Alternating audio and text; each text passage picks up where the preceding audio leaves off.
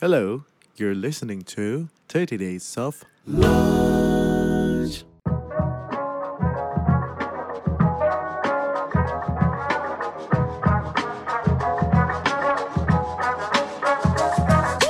di IoT ini yang paling penting ada dua skills yang dibutuhkan. Pertama, critical thinking sama complex problem solving.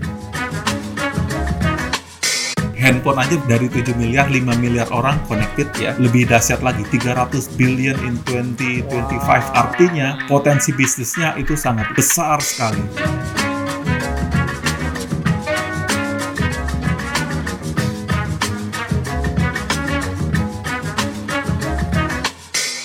Kerja dan belajarnya lebih produktif, perlu ditunjang dengan device yang smart. Nah, Lenovo lagi ada promo. Setiap pembelian produk Lenovo tertentu bisa dapetin voucher Grab Gift. Bisa buat Grab Food dan Grab Mart. Segera kunjungi Lenovo Virtual Store di Blibli, JDID, Tokopedia, Lazada, dan Shopee. Info lebih lanjut, cek di lenovopromo.com.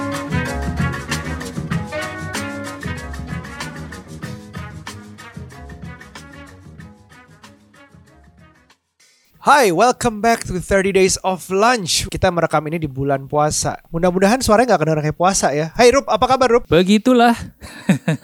Mencoba untuk bikin seru walaupun WFH dan PSBB. I iya, kemarin kita bahas terakhir video episode terakhir kita bahas tentang uh, stress management bareng Ricky Setiawan uh, membahas gimana WFH ini menambah stres atau dan gimana kita cara menanganinya. Sekarang kita mau ngobrol tentang apa ini? Lo lebih tahu kayak topiknya lebih lo deh. Iya, kayaknya gue gue um, kalau kemarin kan ngomongin stress management WFH, gue berusaha kayak di WFH ini kerja gue lebih maksimal dengan studio yang lebih enak atau meja kerja lah yang lebih nyaman, lebih selain itu bisa produktif tapi juga lebih betah gue di situ. Jadi kerjanya nggak berat-berat banget. Gue belilah segala macam kursi lah, lampu lah, terus ditambah juga beberapa alat-alat kayak bikin lebih nyaman aja kayak buat smart home kalau mau ngomong matiin lampu tinggal ngomong, mau main musik tinggal ngomong, biar makin nyaman tujuannya. Nah, lu ada kayak gitu nggak? Gue liat lampu lo juga ada kayak gitu, Rup. Eh, uh, iya, iya, iya. Untuk naikin mood ya. Uh, selain naikin mood sih juga bisa dipakai macam-macam banget ya.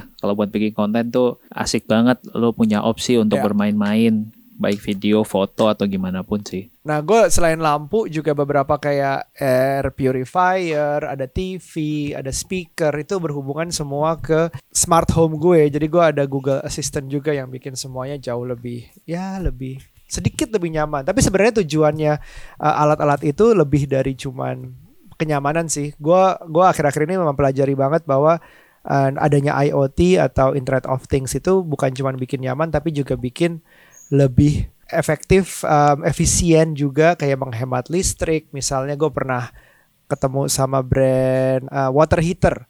Gimana water heater itu juga bisa jadi smart. Terus udah gitu kalau misalnya itu bisa panas di saat kita mau jadi panas aja kayak setengah jam sebelum mandi udah disiapin secara otomatis. Itu nggak bantu banget. Kayaknya jadi kayak masa depan yang ada di film-film gitu loh, Rup. Iya, iya, iya, benar. Mungkin kalau teman-teman yang nggak dengerin di sini kebayang, kalau pernah nonton film Black Mirror, di salah satu seasonnya ya. tuh gue inget uh, episodenya kalau nggak salah judulnya Nose Dive.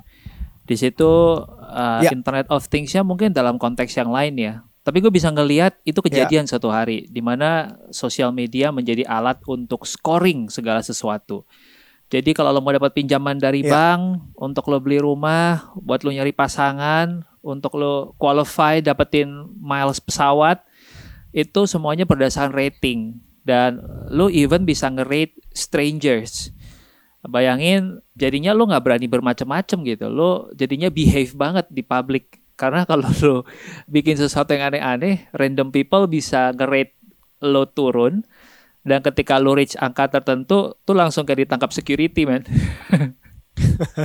beban juga ya hidup kayak gitu ngeri juga ya. Ada ada hidup super connected tuh nanti begitu A kali ya. Iya dan itu semua nggak akan kejadian kalau selain platformnya sosial medianya itu tapi juga kayak internet of thingsnya. Hmm. jadi smartphone kita misalnya wearables kita terus misalnya di di mana tuh dapat seat khusus di pesawat. Jadi pesawatnya juga harus connected to di internet entah itu alat boarding tuh. passnya atau alat ngerate-nya kameranya segala macam tuh semua device tuh kayaknya harus terkonek dengan internet Nah, kalau nggak salah Kalau ada cerita juga dari Elon Musk ya, driverless cars tuh juga kayak mobil nyetir sendiri, udah jalan, uh, udah nggak akan nabrak, udah aman dan bikin lo jauh lebih produktif mungkin di mobil lo bisa sambil kerja sambil ngapain yeah, iya, macam-macam. Yeah, Kelihatannya sih kayak the future is already here atau almost here ya.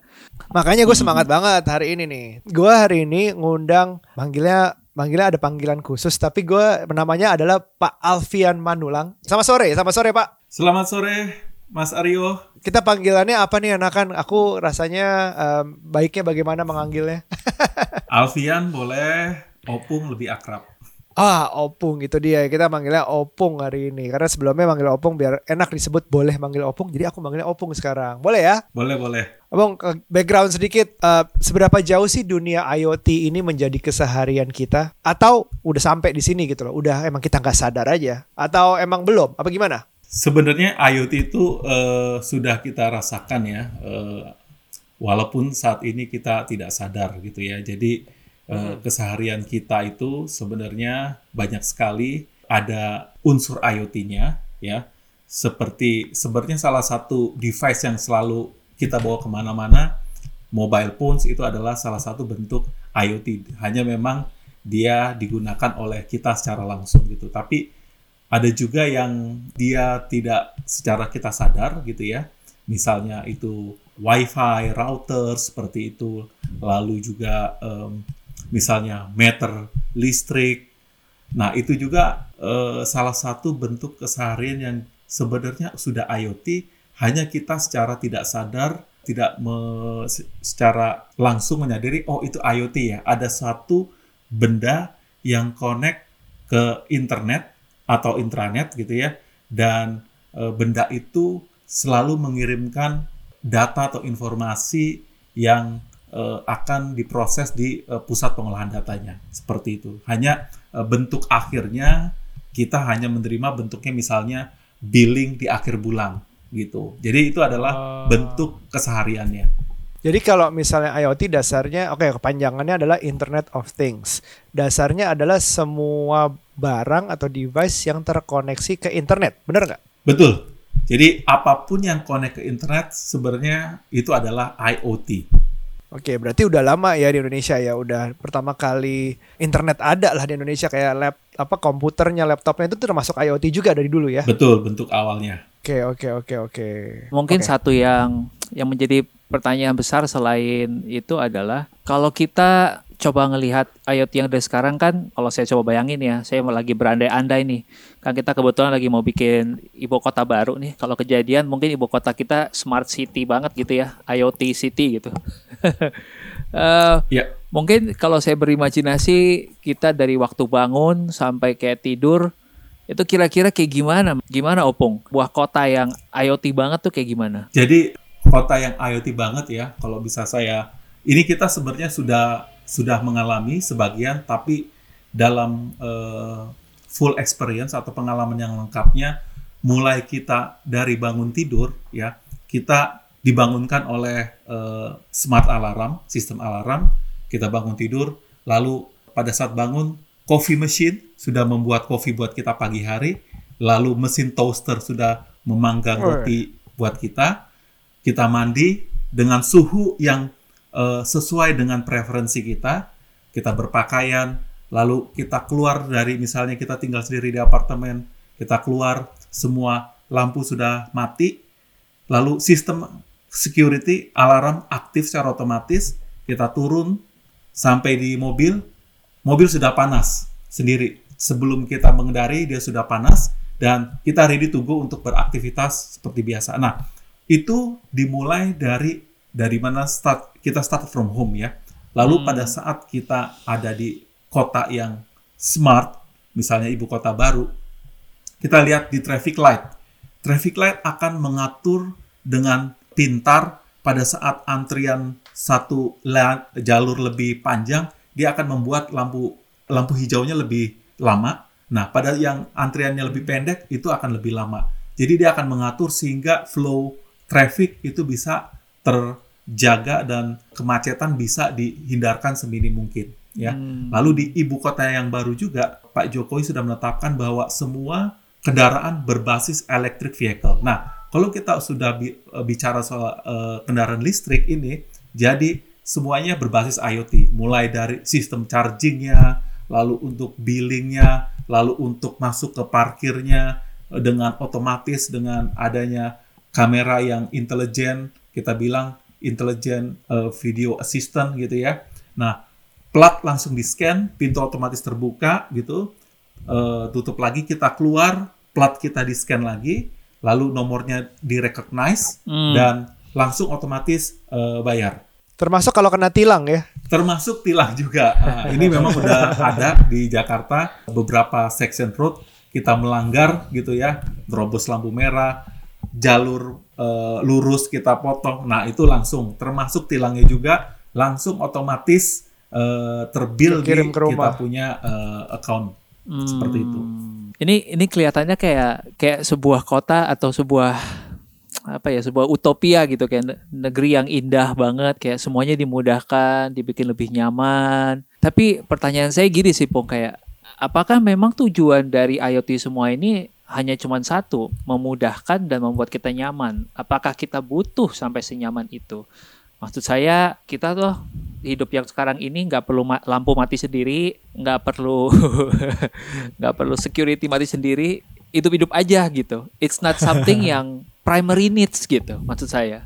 Atau saya justru salah melihatnya mas? Ya, jadi eh, IoT itu pada dasarnya ya, kalau kita ngelihat ini di kita ngelihat IoT ada eh, dua segmen sebenarnya, Mm. segmen consumer sama segmen bisnis Mm. atau corpor- corporate atau eh, industri ya. ya Nah, ya Jadi memang untuk di segmen bisnis itu dia lebih sifatnya untuk memberikan kenyamanan yang lebih baik, lebih aman, Hmm, lebih mudah hmm, seperti itu. Jadi memang itu yang dibawa adalah ADN pada akhirnya adalah experience. Apa experience-nya yang yang eh, akan diakibatkan atau ditimbulkan dari IoT services ini.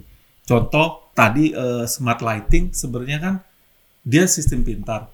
Nah, intinya bagaimana ed- pada akhirnya adalah billing kita, tagihan listrik kita itu jauh lebih rendah dibanding billing-billing sebelumnya selama kita nggak pakai. Kalau kita biarkan nyala aja, dia tentu oke, nggak apa-apa, Hmm. tapi tentu akan membuat kita punya pengeluaran spending itu jauh lebih Hmm. tinggi lagi. Sistem alarm juga, sistem security seperti itu. hmm. Nah, itu akibat dari IoT yang eh, ditawarkan adalah kenyamanan yang ditimbulkan Hmm. gitu. Jadi kenyamanan yang dimasuk dimaksud opung ini uh, bukan cuma nyaman. Oh, gue nggak usah berdiri matiin lampu, gue malas cari remote, gue di handphone aja. Tapi lebih ke arah kenyamanan bahwa rasa aman sendiri yang pertama tadi. Betul. Terus yang bagian efisiensi tadi penghematan, penghematan listrik rumah. Saya nggak mau uh, water heater saya nyala kelamaan, padahal mandinya cuma dua kali sehari. Nah kalau misalnya sekarang itu harusnya economics of scale kalau misalnya dibikin itu lebih rame, lebih angkanya lebih besar. Misalnya kita mungkin kecil kalau yang menghemat sekitar satu jam dua jam matiin water heater per hari. Tapi kalau itu dalam bentuk industri atau bentuk kota bahkan mungkin akan signifikan ya, obong ya. Betul. Eh, benar sekali contohnya Aryo contohnya adalah di Jakarta sebelumnya adalah lampu-lampu jalan itu menggunakan sistem halogen Hmm. yang warnanya kuning gitu ya. Mahal ya. Mahal. Nah, kami juga melakukan studi dan juga kita sempat melakukan beberapa kayak proof of concept juga. Mm-mm. Eh, menggunakan pertama mengganti lampu dari halogen menjadi LED satu itu ada penghematan Iya. sampai 50%. Kedua, dengan menggunakan smart lighting ya, ya. Jadi eh, dia akan mati pada saat memang eh, udah pagi gitu ya dan nyala otomatis pada saat udah mulai gelap dan pada saat dia trafficnya itu reng- le- lenggang gitu ya jam 12 malam ke atas dia mulai eh, otomatis selang-seling hidup mati hidup mati gitu ya. Nah, itu sampai 80% penghematan eh, apa namanya penggunaan listriknya. Hmm. Itu satu. Dan pemerintah kota itu bisa menggunakan alokasi budget dari penghematan itu untuk eh, tujuan yang, Yang lebih lain. produktif lagi. Hmm. EDN adalah seperti itu. Artinya eh, program untuk peningkatan kesejahteraan masyarakat itu bisa lebih diutamakan. Iya, iya, iya. Saya mulai lihat tuh lampu-lampu jalan tol yang bahkan ada yang tenaga solar kayaknya ya. Apa maksudnya matahari Betul. ya? Yang dia Combine. udah ada panel panelnya sendiri terus ya itu secara otomatis. Jadi nggak ada kayak petugas yang lupa matiin lagi gitu loh. Iya, lupa matiin terus buang-buang listrik gitu. Itu mungkin salah satu contoh kecilnya. Ini aku mungkin bukan bagian dari pengurus kota atau aku nggak punya bisnis industri yang gede banget. Kita eh, sebagai pebisnis UKM atau sebagai mahasiswa atau orang tua, kita harus siap apa sih biar nggak ketinggalan dengan IoT ini? untuk sebagai mahasiswa, pebisnis, eh, pemula UKM, tentu eh, yang disasar adalah bagaimana kita bisa lebih eh, produktif lagi dalam berusaha, lalu bisa lebih cost efektif lagi, seperti itu. Nah, contoh-contohnya adalah banyak sekali sebenarnya untuk kita yang mencari peluang, misalnya kita eh, mahasiswa, kita ngeliat, oke kita mau kerja nih nanti kira-kira nih mau apa nih? Kira-kira kalau memang entrepreneurship itu menjadi salah satu tujuan hidupnya, nah mungkin ini bisa menjadi satu peluang bisnis karena banyak sekali bisnis ataupun layanan yang dari sifatnya konvensional atau tradisional itu menjadi lebih eh, berbasis IoT atau lebih digital lah kita bilangnya. Hmm. Jadi kita bisa mentransform suatu produk atau layanan itu menjadi eh, lebih ke arah digital. Nah, itu IoT bisa melakukan hal itu dan itu kita bisa membuat produk atau services yang akan dibutuhkan oleh customer tapi kita memberinya dengan lebih baik tapi lebih cost efektif juga. Akhirnya seperti itu. Tadi dari apa yang Opung share, saya coba relate ya. Kalau misalnya Aryo lagi bisnis itu kan logistik yuk. Gua Ya. lumayan ngiler sih sama teman-teman gue yang di logistik. Tapi mungkin nggak specifically di lo ya. Yang gue pernah diceritain adalah Heeh. dia itu awalnya menjual GPS gitu. Akhirnya dia menjual GPS. Kebetulan gue juga pakai di mobil gua. Kita ngobrol-ngobrol-ngobrol. Selang 1-2 tahun kemudian pas ketemu lagi, ternyata GPS ini sudah berevolusi gitu ya, menjadi sebuah device yang lebih canggih, yang lebih smart.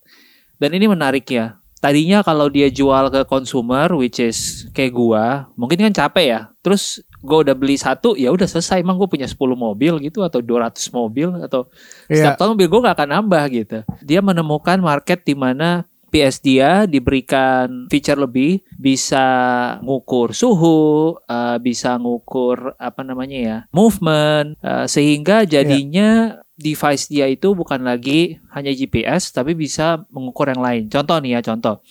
Misal es krim, es krim, es krim. Kalau es krim kan kita kalau ngelihat di supermarket gitu ya, sering kali kita datang terus kayak si box es krimnya itu kondisinya tuh setengah kebuka dan didiemin lama gitu. Tahu-tahu eh, suhunya udah nggak nggak sesuai, jadi kondisi esnya udah nggak nggak prima gitu kan. Nah, dia itu bisa ngukur berapa kali dalam sehari itu dibuka tutup dan jadi dia tahu jam-jam berapa aja yang demand paling besar untuk es krim tersebut. Yang kedua, dia bisa memberikan warning kalau misalnya ternyata suhunya ngedrop banget sehingga penjaga tokonya bisa ngebenerin. Dia satu kali deal jadinya, tadinya yang consumer menjadi B2B, eh, sekarang satu kali deal tuh bisa langsung ya udah ada berapa ribu unit box es krim aja satu Indonesia gitu. Nah itu yang menurut gua jadi menarik mas gua sisi bisnis kan kita nggak pernah kepikiran ya sampai segitunya ya. Itu sih menurut gua ya. Walaupun gua nggak di industri itu. Iya benar-benar. Gue kalau di logistik Rup selalu mikirin cara paling sering masalah tuh misalnya barang hilang Hmm. gitu. Barang hilang kalau di airline udah ada apa namanya em, kontainer-kontainer kecil sendiri AKE segala macam LD3 gitu udah ada em, trackernya. Tapi yang masalah kan biasanya dalam satu kayak gitu ada box-box kecil lagi. Sebenarnya cuma box Hmm. karton. Kalau kita taruh IoT-nya di karton kan kayaknya ada teknologi yang cukup lebih mahal dari harga kartonnya. Mungkin bisa jadi takutnya lebih mahal dari harga barangnya Iya, gitu. iya. Atau yang dikirim misalnya cuman barang-barang yang value-nya murah per piece-nya tapi kalau udah di jumlah banyak banget jadi mahal gitu. Hmm. Nah itu yang gimana caranya gue selalu mikir gimana ya bikin device yang saking murahnya kalau sekali pakai kayak disposable hilang tuh nggak apa-apa sehingga masih bisa nge-track karena IoT ini penting banget untuk pergerakan logistik juga. Hmm, Gitu. Kalau kalau disimplify mungkin logistik mungkin teman-teman yang nggak dengerin mungkin ngerasa kayak ah gue nggak di logistik kita kejauhan gitu ya. sesimpel gini kali ya. Ah, ah, ah. F&B gitu. Kayak gue terakhir kali ke SF F&B.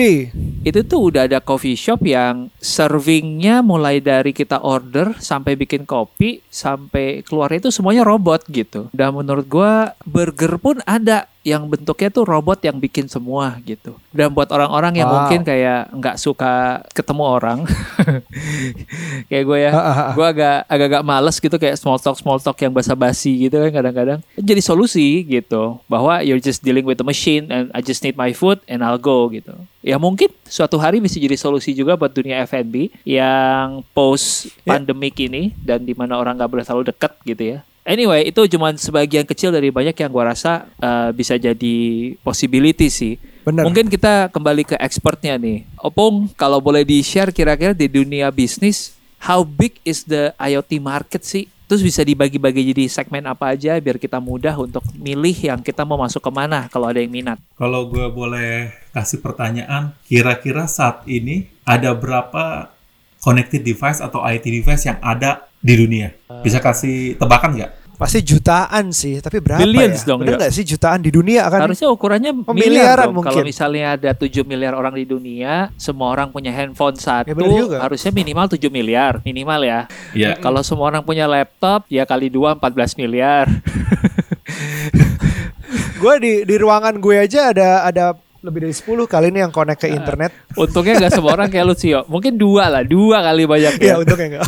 I would say around that number, Pung. 14 miliar. Jadi eh, handphone aja benar itu eh, dari 7 miliar 5 miliar orang connected ya. Wow. Jadi 5 miliar gitu ya. Eh, lalu eh, devices. Nah, satu yang paling minimal itu ada yang bilang 20 miliar 20 billion connected device saat ini Wow. gitu. Tapi ada yang bilang 200 billion connected device. Wow. Nah, itu jumlah yang staggering, yang luar biasa gitu. Nah, kalau kita proyeksi itu 2025, 2030, itu mungkin lebih dahsyat lagi 300 billion in 2025 kayak seperti itu 2025 itu Hmm. itu jumlah yang luar biasa. Artinya Wow. potensi bisnisnya itu sangat besar sekali, Hmm. gi- gigantic ya. Hmm. Nah, kalau sekitar eh, jumlah volume kita ngomongin sekarang masalah duit nih ya, money gitu ya. Of course, ini yang bagian serunya nih Cuan. Ini yang paling menarik ya. Itu kira-kira berapa? Langsung tebak deh, secepat. Tiga, tiga detik. Can you mention any number? Ya minimal 30 billion juga lah. Kalau satu device 30 bayar satu dolar, ya 30 billion dolar gitu. Oke, jadi di 2025 potensi bisnisnya itu eh, ngomongnya gimana ya jumlahnya nih ya saking banyaknya 6,2 triliun US dollar triliun US, US dollar. dollar 6,2 6,2. Uh-uh. Oh. artinya kalau dalam rupiah itu 93 ribu triliun rupiah Oh, itu udah GDP-nya 93 Indonesia belum ya?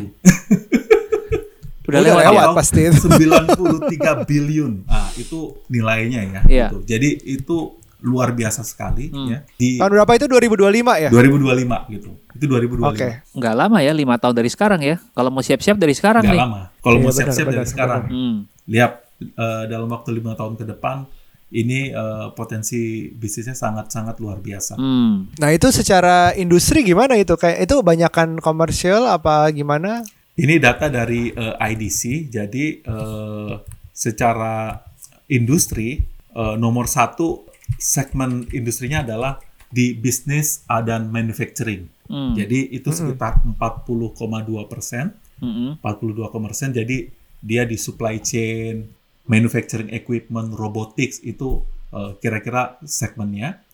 Lalu yang kedua itu ada di healthcare itu sekitar 30 persen. Jadi eh, ya wearable termasuk salah satunya. Lalu medical eh, apa namanya devices, U- U- eh, US eh, USG gitu ya, eh, CT Oh, wow. scan, Oke. eh, Hmm. lalu mungkin blood pressure, Hmm. diabetic treatment seperti Hmm. itu. Itu eh, yang kedua. Yang ketiga di retail. Nah, retail ini sifatnya seperti nanti po- eh, P- POS seperti itu ya, payment of services, eh, lalu EDC, Hmm. nah smartphone. Hmm.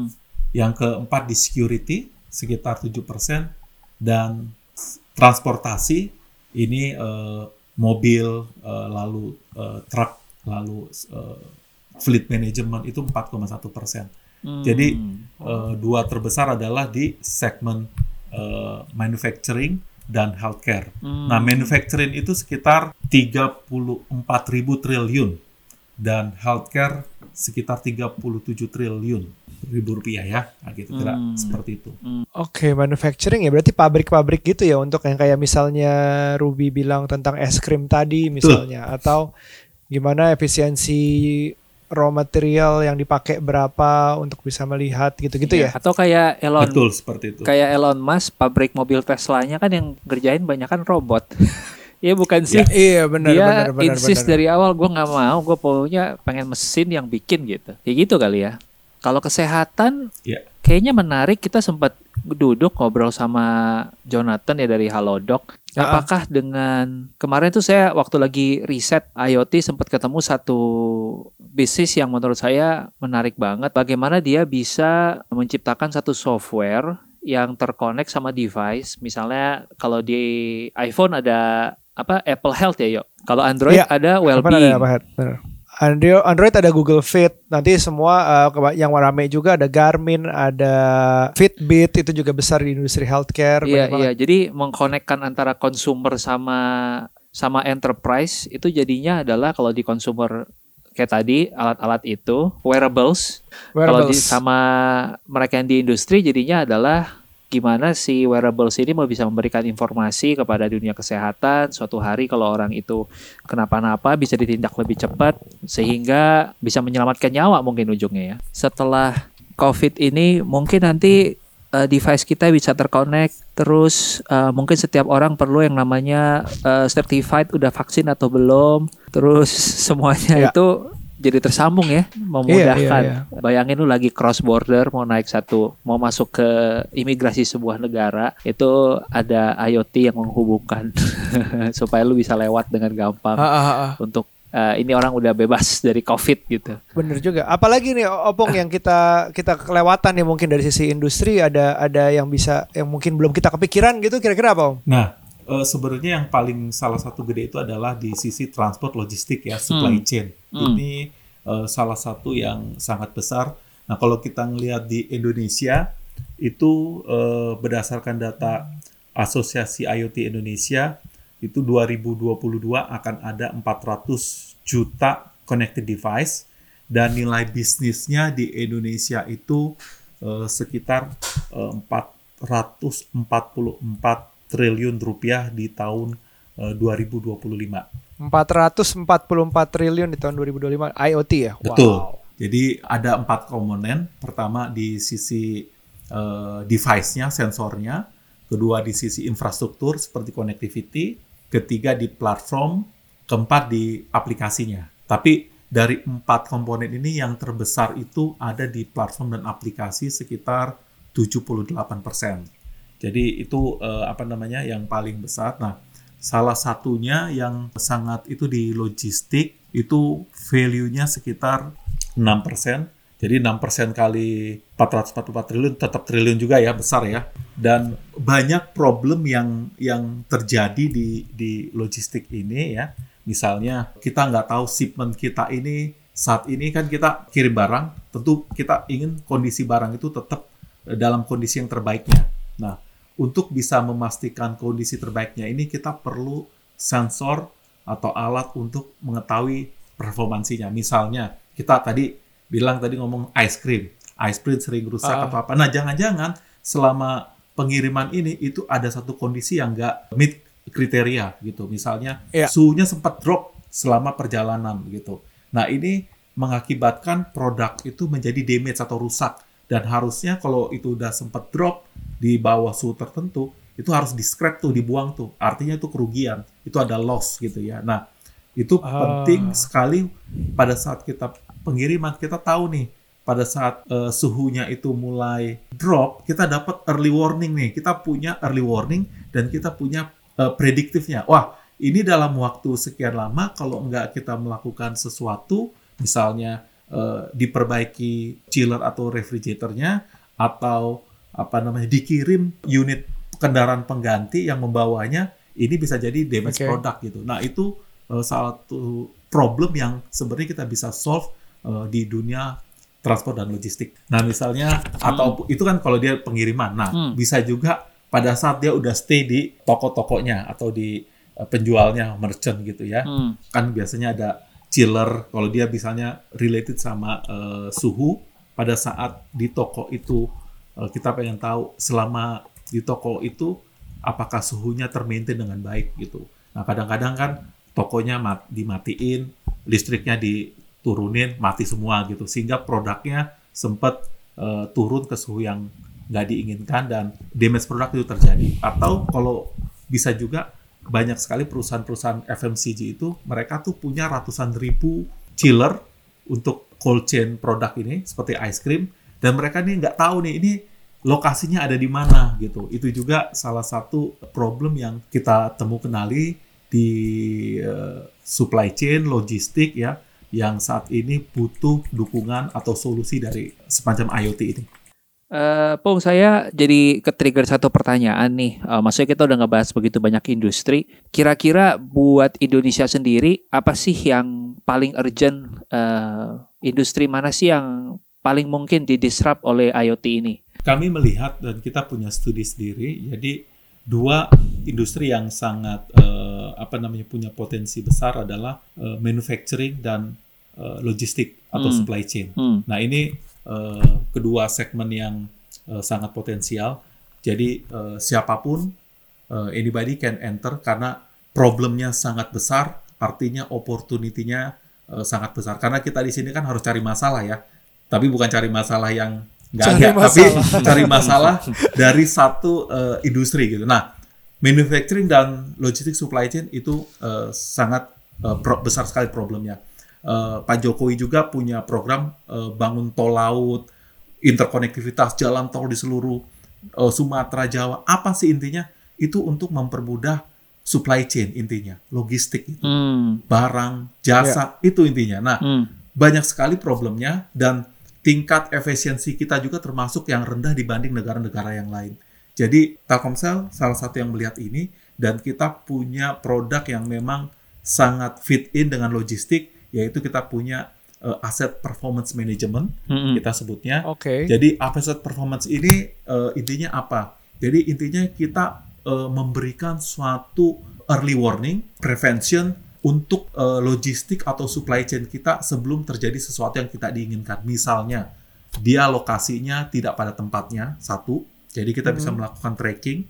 Kedua, dia bisa mengukur suhu, artinya jika suatu produk atau service butuh pengukuran suhu yang konsisten mulai dari manufacturing, supply chain sampai ke end distri, apa end destination gitu ya. Nah, kita bisa melakukannya. Lalu humidity, lalu kita mengetahui berapa jumlah inventory stok yang kita punya, palet-paletnya. Nah, itu kita bisa melakukan pengukuran, monitoring, visibility bahkan dalam situasi COVID-19 ini misalnya eh, kan ada PSBB nih. Kita Hmm. misalnya satu eh, bisnis kirim satu produk 300 palet ke satu destination. Nah, satu destination itu misalnya di mana? Di Makassar. Eh, kenapa PSBB? Nggak bisa masuk atau apa gitu. Nah, kita bisa melakukan rerouting logistik kita karena PSBB orang akan mungkin demand akan turun. Kita bisa reroute sebagian logistik kita ke tempat lain. Nah, itu kita bisa memiliki visibility seperti itu. Nah, itu yang saat ini kami punya dan kami tawarkan memang ke bisnisis atau ke corporate saat ini. Oh, gitu ya. Jadi dari sisi provider juga bisa menawarkan produk seperti itu ya. Ya, betul. Jadi Asik, Telkomsel bukan hanya memiliki internet, eh, Hmm. SMS gitu Hmm. ya, tapi Hmm. kita Ya. juga memiliki digital solusi, eh, Hmm. produk-produk yang bersifat solution yang akan meningkatkan produktivitas, efisiensi, dan meningkatkan kepuasan eh, customer. Pung, Oke, oke, oke. boleh dibocorin ke kita nggak? Kira-kira kliennya Telkomsel yang sekarang udah memanfaatkan APM ini siapa gitu? Yang kita bisa rasain gitu. Oke. Jadi waktu kita ngeliat barangnya, oh ini nih yang efeknya pakai APM nih, pakai IoT gitu. Ya, paling banyak saat ini memang ice cream. Ini Oh. paling banyak ya. Heeh. Satu ice cream gitu. Hmm. Karena tadi suhu itu sangat penting. Hmm, mulai dari pabrik sampai pengiriman hmm, sampai di tempat di merchant hmm. itu juga suhu penting untuk diukur Hmm. sehingga yang kita eh, apa kita bantu mereka adalah solving mereka punya supaya tidak eh, terjadi damage product karena suhunya di bawah dari requirement Hmm. ya. Lalu kedua, kita bisa memanage aset-aset mereka. Nah, aset-aset mereka ini kan banyak nih di toko-toko, seperti di convenience store. Hmm. Nah, itu mereka punya problem itu tingkat kehilangan mereka punya chiller itu sangat tinggi. Ya, menurut mereka tinggi satu persen gitu. Hmm. Nah, untuk satu persen ini artinya mereka tiap tahun harus membeli ribuan chiller Wow. gitu. Nah, ribuan chiller. Nah, ini sangat eh, pain pain banget buat mereka dan kita melihat ini produk kita sangat cocok. Oleh karena itu, kita eh, sudah punya customer kita dari eh, beberapa produsen ice cream Hmm. dan mostly bisnis modelnya ice cream ini kan consignment ya. Mm-mm. Artinya barang Ah. dititipin di Betul, toko, artinya betul. si toko nggak beli. Hmm. Kalau produknya rusak, artinya si produsen yang akan tanggung gitu ya, Eh, akan damage Ah. produknya Iya, seperti iya, itu. iya, iya. Heeh, jadi dia memang nggak beli putus. Jadi Hmm. bukan si toko yang menanggung akibatnya, bukan, tapi tetap Hmm. produsen. Nah itu sangat eh, penting banget buat mereka. I see. Jadi kalau saya ngambil garis coba menghubungkan, basically teman-teman kalau ada yang punya bisnisnya frozen food atau apa pun yang berhubungan dengan suhu, itu kemungkinan besar akan sangat butuh IoT ini ya. Tepat sekali. Jadi Oke. kita bilang namanya cold chain ya. Jadi Hmm. dengan eh, apa suhu. Oke. Gitu ya. Ah, Daging, iya, iya. eh, eh, ice cream, Ah. eh, apa frozen food, nuggets dan lain-lain, sosis seperti itu.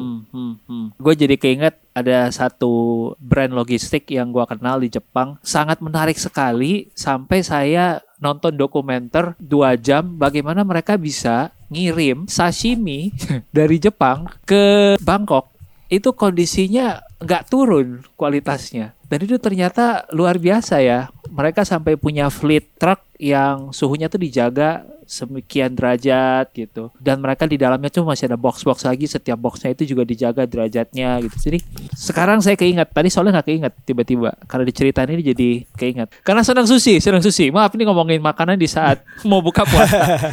Puasa. Gak apa-apa. Jadi Nggak ada apa-apa. ide untuk buka puasa kayaknya. Jadi ini kan semuanya indah-indah banget nih tentang IoT. Segitu banyak device IoT dan segitu banyak data artinya yang dipertukarkan, diberikan ke pusat lah, disebarkan ke klien-kliennya lah segala macam itu resiko terhadap security data tuh gimana ya? Data pribadi, data perusahaan, bahkan negara gitu. Apakah aku wajar gak sih ngerasa khawatir seperti ini? Atau udah aman sekarang? Gimana Om? Oke, eh, ini pertanyaan yang sangat valid sekali ya. Eh, apa namanya? sa- eh, Akhir-akhir ini kita dengar juga ada satu e-commerce yang kebobolan Iya. 91 Benar. juta datanya. Eh, Nah, ah, nah, ah. IoT juga eh, waktu kita bangun tentu security harus menjadi aspek yang pertama kita pikirkan gitu. Jadi security itu tuh mulainya mulai dari device-nya, bagaimana device-nya itu harus benar-benar baik, good manufacturing, dia bisa anti tamper pada saat dia coba dipaksa dibuka, dia akan memberikan alert itu satu. Lalu juga dari sisi konektivitas, bagaimana kita mengirimkan datanya itu secara secure sehingga orang biasa kan orang mengirimkan data via internet gitu ya. Nah, internet kan nobody can guarantee gitu ya. Nah, kita biasanya menggunakan private secure VPN ya dari device sampai ke application server sehingga itu benar-benar di enkripsi semua pengirimannya. Lalu di aplikasi juga tentu data centernya kita manage secara proper seluruhnya dengan segala macam antivirus, firewall. Nah, itu benar-benar menjadi perhatian kita tentang security dan kita sangat menjamin bahwa data-data itu sangat secure mulai dari device sampai ke aplikasi sampai ke customer menikmati dashboardnya seperti itu. Nah, security balik lagi tidak ada yang bisa menggaranti gitu ya. Cuman kita ngelihat IoT ini kan kira-kira apa namanya data kan sebenarnya data suhu gitu. Jadi sebenarnya orang sih kalau iseng banget kelihatannya ya apa ya yang mau dimonetize dari eh, suhu ini gitu. Kira-kira saya juga masih belum belum kepikir gitu ya. Tapi eh, kalau mereka bisa melakukan data monetasi dari suhu device-device ini, ini apa namanya sangat ya saya akan overwhelm lah gitu, karena ini bukan data orang tapi ini data mesin gitu. Jadi sifatnya sangat ya apa ya sangat really sangat spesifik ke satu user tertentu atau industri tertentu itu. Nah, kalau sifat data-data pribadi tentu ini eh, apa namanya harus kita pikirkan lebih matang lagi, lebih lebih concern lagi kayak gitu. Nah, jika misalnya ada gangguan jaringan seperti itu, nah kita punya sistem eh, store eh, store message artinya selama dia nggak dapat sinyal, sistem kita, device kita tetap bisa merekrut seluruh eh, transaksinya, datanya. Pada saat dia sudah sinyalnya kembali, dia akan kirimkan kembali data-datanya kayak seperti itu. Nah, so far secara regulasi security untuk IoT itu memang tidak belum diatur secara jelas, tapi memang beberapa aturan yang sangat jelas adalah bahwa eh, sifatnya perusahaan harus bisa memberikan jaminan akan layanannya terhadap security juga seperti itu. balik lagi ke terms and condition setiap penyedia sarananya kali ya dia measurementsnya melakukan apa saja kalau misalnya di luar kontrol misalnya waktu itu Jakarta apa Indonesia ya pernah mati lampu yang wow banget lama lu cukup lama berhari-hari sampai ada pemadaman pergantian kalau nggak salah bulan bulan Nova eh, Agustus September ya kalau Iya. nggak salah aku lupa deh Nah itu kalau terjadi seperti itu yang entah itu force major apa bukan, tapi pokoknya yang di luar kendali bukan niat jelek orang misalnya, itu IoT kan sangat bergantung ke internet ya dan ke listrik tentunya. Ini gimana kalau kalau fail? Eh, karena saya juga ada terlibat dalam eh, salah satu perusahaan elektrik gitu ya dalam me- mereka melakukan digitalisasi aset-asetnya. Nah, kami memberikan satu layanan tuh Telkomsel seperti private VPN sehingga mereka memiliki secure connection yang kita berikan dan eh, so far sih bukan karena bridge yang kami tahu ya, tapi memang lebih karena kemarin ada satu pohon yang dianggap eh, mengganggu sistem transmisi dari eh, apa penyaluran distribusi power tersebut gitu. Nah, eh, Oke. tentu untuk aset-aset yang sangat vital, yang sangat high emergency seperti tadi eh, power plant seperti itu, lalu jaringan transmisi listrik itu tentu perusahaan yang bersangkutan harus memikirkan dengan sangat-sangat rigid, sangat-sangat strict seluruh eh, security levelnya dan mereka Oke. uh, harus melakukan karena ini benar-benar public services uh, pada ujungnya ya. Tapi kalau cuman misalnya satu chiller seperti itu kan less impact dibanding satu power plant atau satu distribusi Iya. seperti power seperti itu. Gue anaknya cukup lumayan cuek juga sih sebenarnya soal beginian. Mungkin karena mungkin karena belum pernah kejadian ya. Basically sebenarnya proteksi itu kan dilakukan dua arah ya. Satu ya dari si company-nya sendiri, si aplikasi atau platform atau apa pun itu yang coba untuk sesecure mungkin at the same time kita sebagai user juga mungkin mesti pinter-pinter kali ya. Kalau gua sih udah pakai apps yang memang buat memudahkan password gua gitu loh. Tau nggak yo? Yang jadi Iya, kayak iya, iya, bisa iya, ngeluarin custom password lu nggak perlu nginget tapi lu cuma perlu satu aja itu yang lu ingetin. Dan itu dia dia Iya, uh, bikin passwordnya very secure. Mungkin in terms of that gua bisa bilang dari sisi user juga harus ngelakuin. I don't know mungkin mungkin ini bisa jadi sebuah uh, peluang bisnis baru buat teman-teman karena kalau IoT ini berkembang dengan nilai yang fantastis kayak tadi sampai berkali-kali GDP kita tentunya sisi security juga orang butuh kan gitu. Iya. makanya ada siapa tuh? Eh, Robert Herjavec salah satu dari empat orang shark di Shark Tank dia kaya karena bikin bisnis security digital gitu. Dan menarik menarik. Kalau gue malah ngeliatnya sisi itunya sih. Ada satu lagi, IoT ini kan anggapannya ya, hal sederhana aja. Ah, Waktu ada lagi disuruh review robot vakum, vakum cleaner nih ceritanya yang yang bisa bergerak sendiri, bisa nye- nyedot, bisa ngepel, otomatis. Ya langsung kepikirannya ya si Mbak di rumah nanya, wah lama-lama saya nggak kerja dong. Kiranya langsung kayak gitu. Ini kan baru baru segi dari vakum ya. Siapa tahu nanti mesin cuci bisa sendiri, ada dishwasher lah, ada, I don't know, ada kan segala macam alat dapur tuh udah banyak yang pakai listrik kan, blender, mixer, yang segala macam itu tujuannya dalam skala besar. Apakah IoT akan mengganggu human resources, artinya human labor? Kalau semua pekerjaan diambil mesin, gimana dengan manusia? Gimana tuh? Oke, tentu di balik kenyamanan ada beberapa threat ya atau eh, substitusi dari layanan-layanan yang sebelumnya misalnya membutuhkan jumlah orang yang lebih dikit gitu. Nah, sebenarnya sih itu akan menjadi satu new normal ya atau kenormalan yang baru gitu ya di mana uh, teknologi semakin berkembang yang tadinya sangat intensif labor itu menjadi less intensif gitu ya. Nah, itu sebenarnya kita harus lihat uh, trennya dan kita harus mempersiapkan diri uh, tren juga mempersiapkan diri kita dan juga mungkin mereka yang baru akan lulus, baru akan mulai bekerja melihat bahwa harus dilengkapi oleh skill-skill yang baru juga gitu. Jadi misalnya seperti uh, artificial intelligence, data scientist, lalu UI UX itu adalah skill-skill baru yang sangat dibutuhkan khususnya dalam digi, era digitalisasi ini kayak gitu. Jadi sebenarnya uh, bukannya orangnya yang makin nggak kepake tapi memang hanya membutuhkan satu skills baru di mana kita harus belajar atau kita learning terhadap skill-skill tersebut begitu. Nah, kami juga sama di di Telkomsel juga kita melihat perubahan tersebut dan kita harus memperlengkapi diri kita gitu untuk uh, new skill yang dibutuhkan untuk bisa survive di uh, era digitalisasi ini. Selain IoT, satu uh, teknologi tren juga yang akan mendorong perubahan itu adalah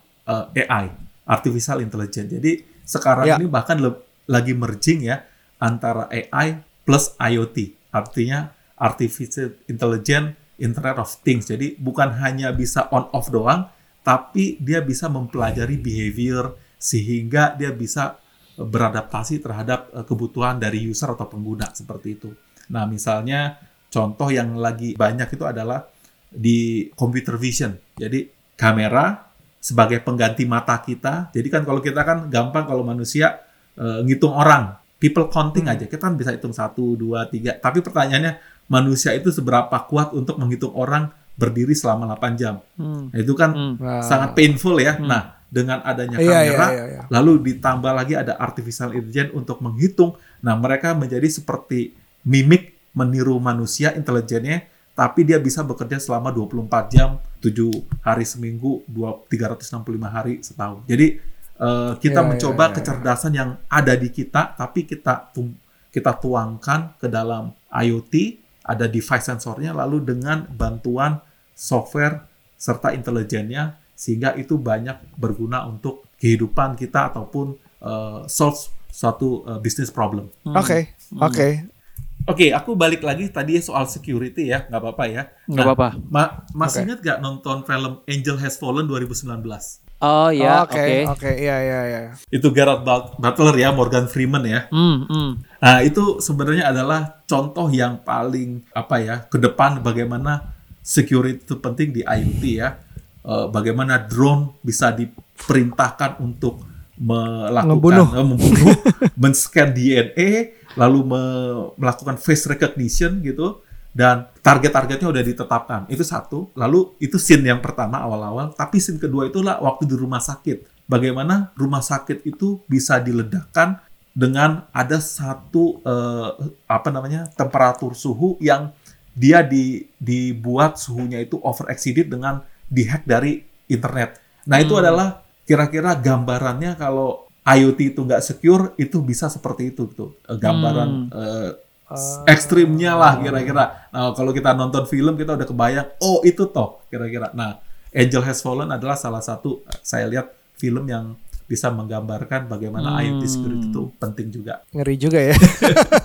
saya jadi kepikir sih mas, kalau memang security-nya kalau kayak apa tadi Angel Has Fallen ya, Ya, Angel Has Fallen. Angel Has Fallen. Kalau seperti Angel Has Fallen, kira-kira dari Telkomsel sendiri apakah ada something yang di, lagi di-build untuk bisa support itu, Mas? Kita ada. Kita hmm. uh, kita lagi membangun suatu platform capability yang baru hmm. khususnya untuk IoT security ya. Hmm. Nah, memang ini belum belum uh, final, belum selesai. Hmm. Uh, hopefully kita akan rilis ini by the end of the year atau uh, awal tahun depan. Hmm. Gitu. Jadi uh, selain kita memberikan VPN services, kita ada tambahan layer-layer lagi di atasnya untuk membuat IoT itu nanti lebih secure.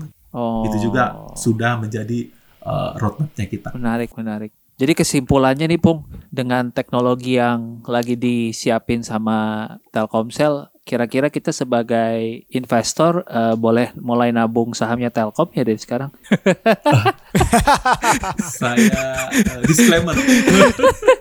Segala tindakan akan yang ditimbulkan uh, menjadi tanggung jawab dari para pendengar sendiri gitu. Uh, saya akan bet yes.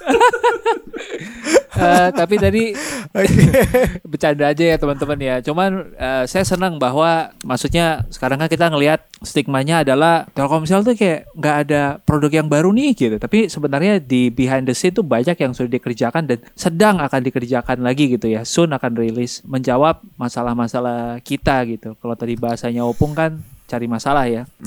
Iya, kalau saya tugasnya cari masalah. cari masalah. Saya bantuin cari masalah nih, Mas.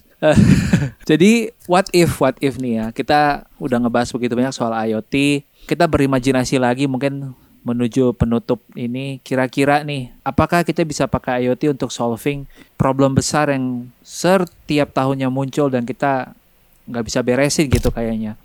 Mungkin kita mulai dari banjir dulu kali mas atau urusan macet kira-kira bisa nggak kita solve dengan IoT gitu? Uh, tentu untuk solve problem seperti banjir itu sangat kompleks ya. Jadi Betul. IoT sendiri itu tidak saya berpendapat tidak bisa menyelesaikan secara langsung, Hmm. tapi melalui IoT kita bisa memiliki kecerdasan atau alert warning Hmm. uh, terhadap suatu uh, kejadian atau event sebelum kejadian itu terjadi. Contoh, Hmm. bagaimana mengetahui sebelum banjir itu terjadi? Hmm. Contohnya dengan Ya, sensor ya, ketinggian ya. air di Katulampa kalau itu di Bogor gitu ya. Lalu AWS Automatic Weather System system untuk mengetahui tingkat curah hujan yang akan terjadi juga kayak gitu. Nah, artinya tentu kita tahu tapi actionnya apa? Call to action itu harus ada ya. Hmm. Tentu ini balik lagi sesuatu yang manual karena bisnis digital itu hanya prosesnya digital tapi actionnya tetap manual. Gali gorong-gorong, angkutin sampah, ah itu tetap manual. Tetap gitu. manusia ya. Walaupun Hmm. digitalisasi dari sisi logistik, Hmm. semuanya ini tetap nganternya manual juga gitu kan. Hmm. Kecuali drone-nya itu nanti udah ada,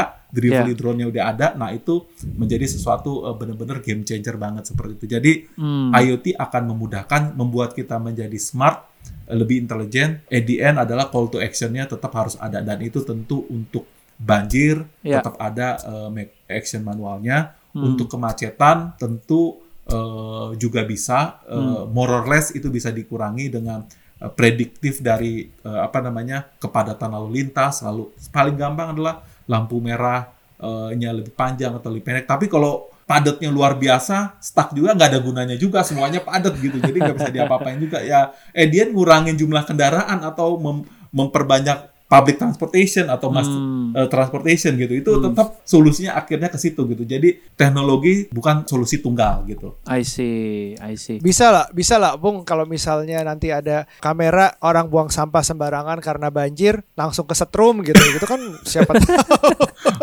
buang sam- buang sampahnya dikali dalam jumlah besar, setrumnya makin kenceng gitu. itu bayangin kameranya taruh di mana-mana itu sepanjang sungai itu Iya.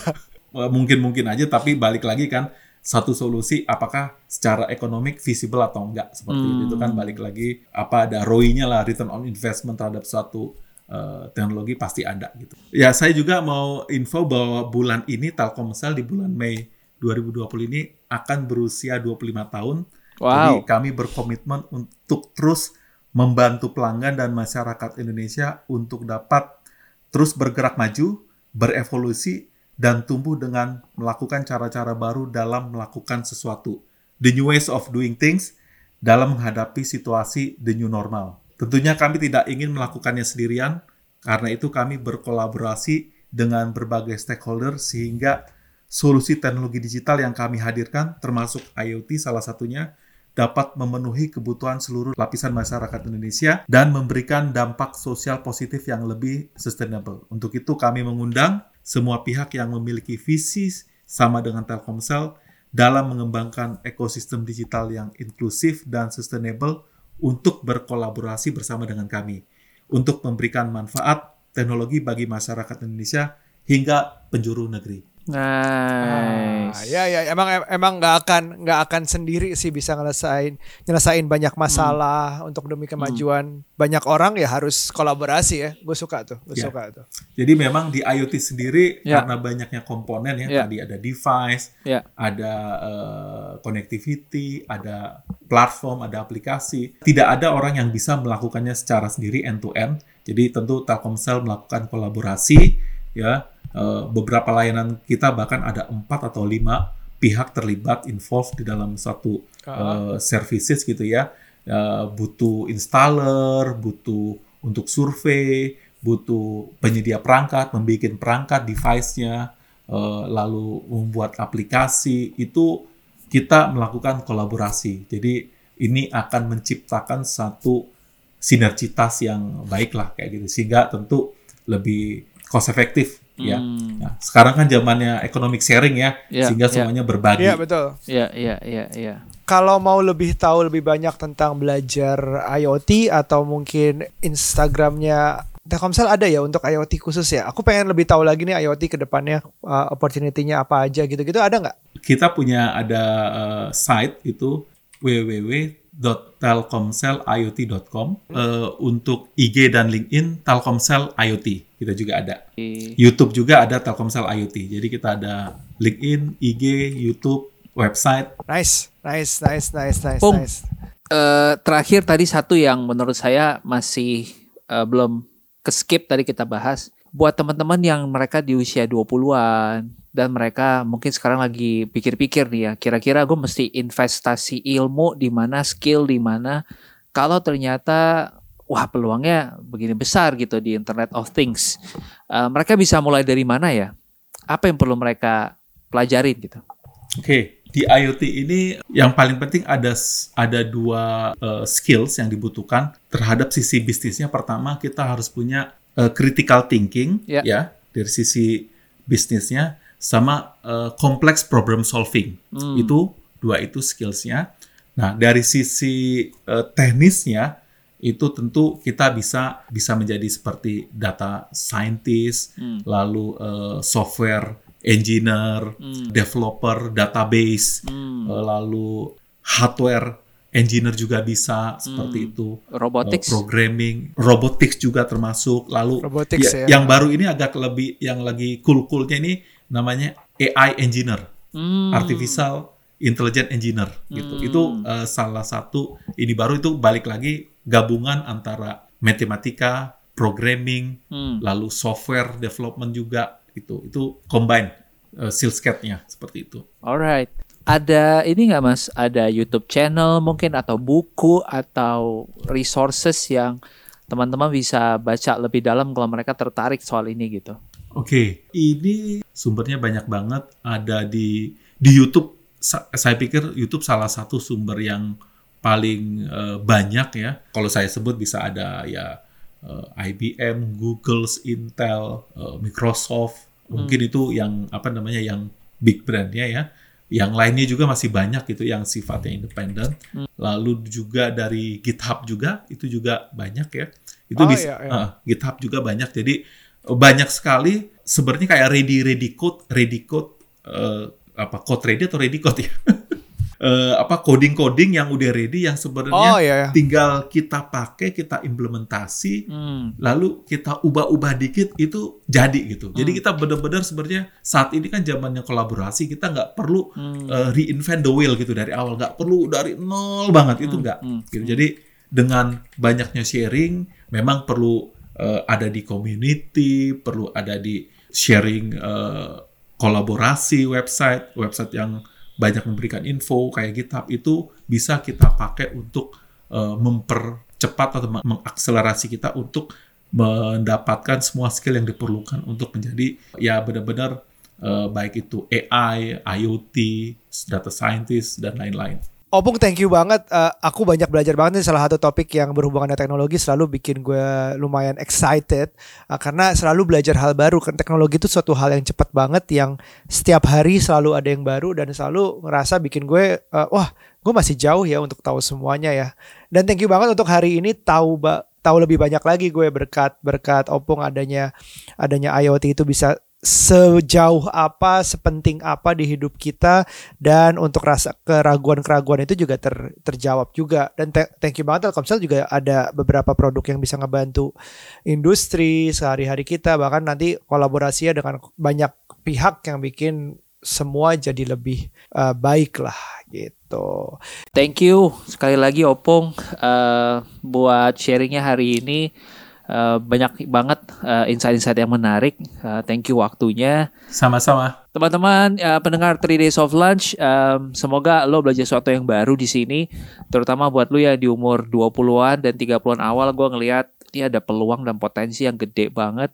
Uh, sesuatu yang menarik selalu kalau ngomongin teknologi karena kalau kita bisa menjadi orang yang masuk duluan, ada keuntungan menjadi uh, pelopor, ada keuntungan menjadi pionir. Mungkin seperti ini juga seperti kita waktu sempat bahas blockchain gitu ya. Ada orang-orang yang sekarang lagi menikmati uh, dengan menjadi early birds di block uh, di blockchain gitu. Ini juga sama, menurut gue ini sebuah peluang yang menarik. Go ahead dan explore lebih dalam. Uh, sesuai janji kita, kita ada beberapa surprise buat teman-teman semua. Yang pertama adalah kita lagi kerja sama sama teman baik kita, Joe dari KLTR Coffee. Kita lagi ngegarap sesuatu yang menarik buat teman-teman untuk bisa menikmatin coffee sambil ngedengerin podcast, sambil kerja, sambil produktif di rumah. Stay tune aja di Instagram kita at 30 Days of Lunch untuk update akan kita launch segera. Jangan ketinggalan karena kita produksi eksklusif hanya ada beberapa unit saja. Kejutan kedua mulai Mei ini kita eksklusif di Spotify. Artinya podcast 3 Days of Lunch ini cuma bisa didengar di Spotify. Yes, betul teman-teman. So, seperti yang kita udah sering ngomongin bahwa kalau kalian menemukan manfaat dari sini, Uh, please pay it forward, share ke teman-teman kalian yang mungkin juga membutuhkan. Itu adalah bahan bakar dari kita dan thank you untuk bahan bakarnya dari lo semua sehingga kita sekarang bisa bekerja sama dengan Spotify. Hopefully platform ini bisa memberikan lebih banyak impact lagi buat lebih banyak orang lagi. Oke, okay, I think that's it. I think um, sebuah obrolan yang baik sekali dan sampai ketemu di episode berikutnya mungkin. Alright, see you. Bye. Terima kasih. Bye.